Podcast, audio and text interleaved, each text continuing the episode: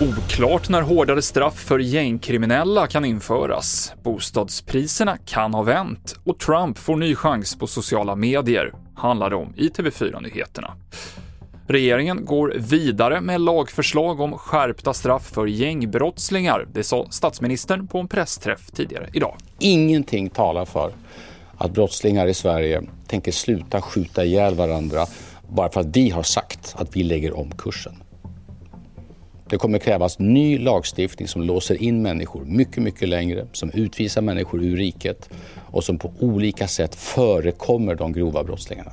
Så Ulf Kristersson, vår politiska kommentator Ann Tiberg, säger att det är oklart hur effektiva de här åtgärderna kan bli. Ja, det, regeringen, det man vill göra när man skärper straff kortsiktigt det är att låsa in brottslingar så att de inte kan vara ute på gatorna och begå brott. Eh, sen är ju frågan vad händer då istället i det vakuum som uppstår och vad blir den långsiktiga effekten? Det är, jag ska också säga vi har faktiskt inte tagit del av de här förslagen. De, de finns inte än. Så att regeringen berättade om något men det går inte att läsa exakt vad det är som regeringen berättade om. Bostadspriserna ser ut att öka igen efter en nästan nio månader lång nedgång. Det finns i alla fall tecken på det. Enligt Valueguard har priserna på bostadsrätter gått upp med 2% i Stockholm och 1,4% i Göteborg när man jämför de två första veckorna i januari med priserna under hela december.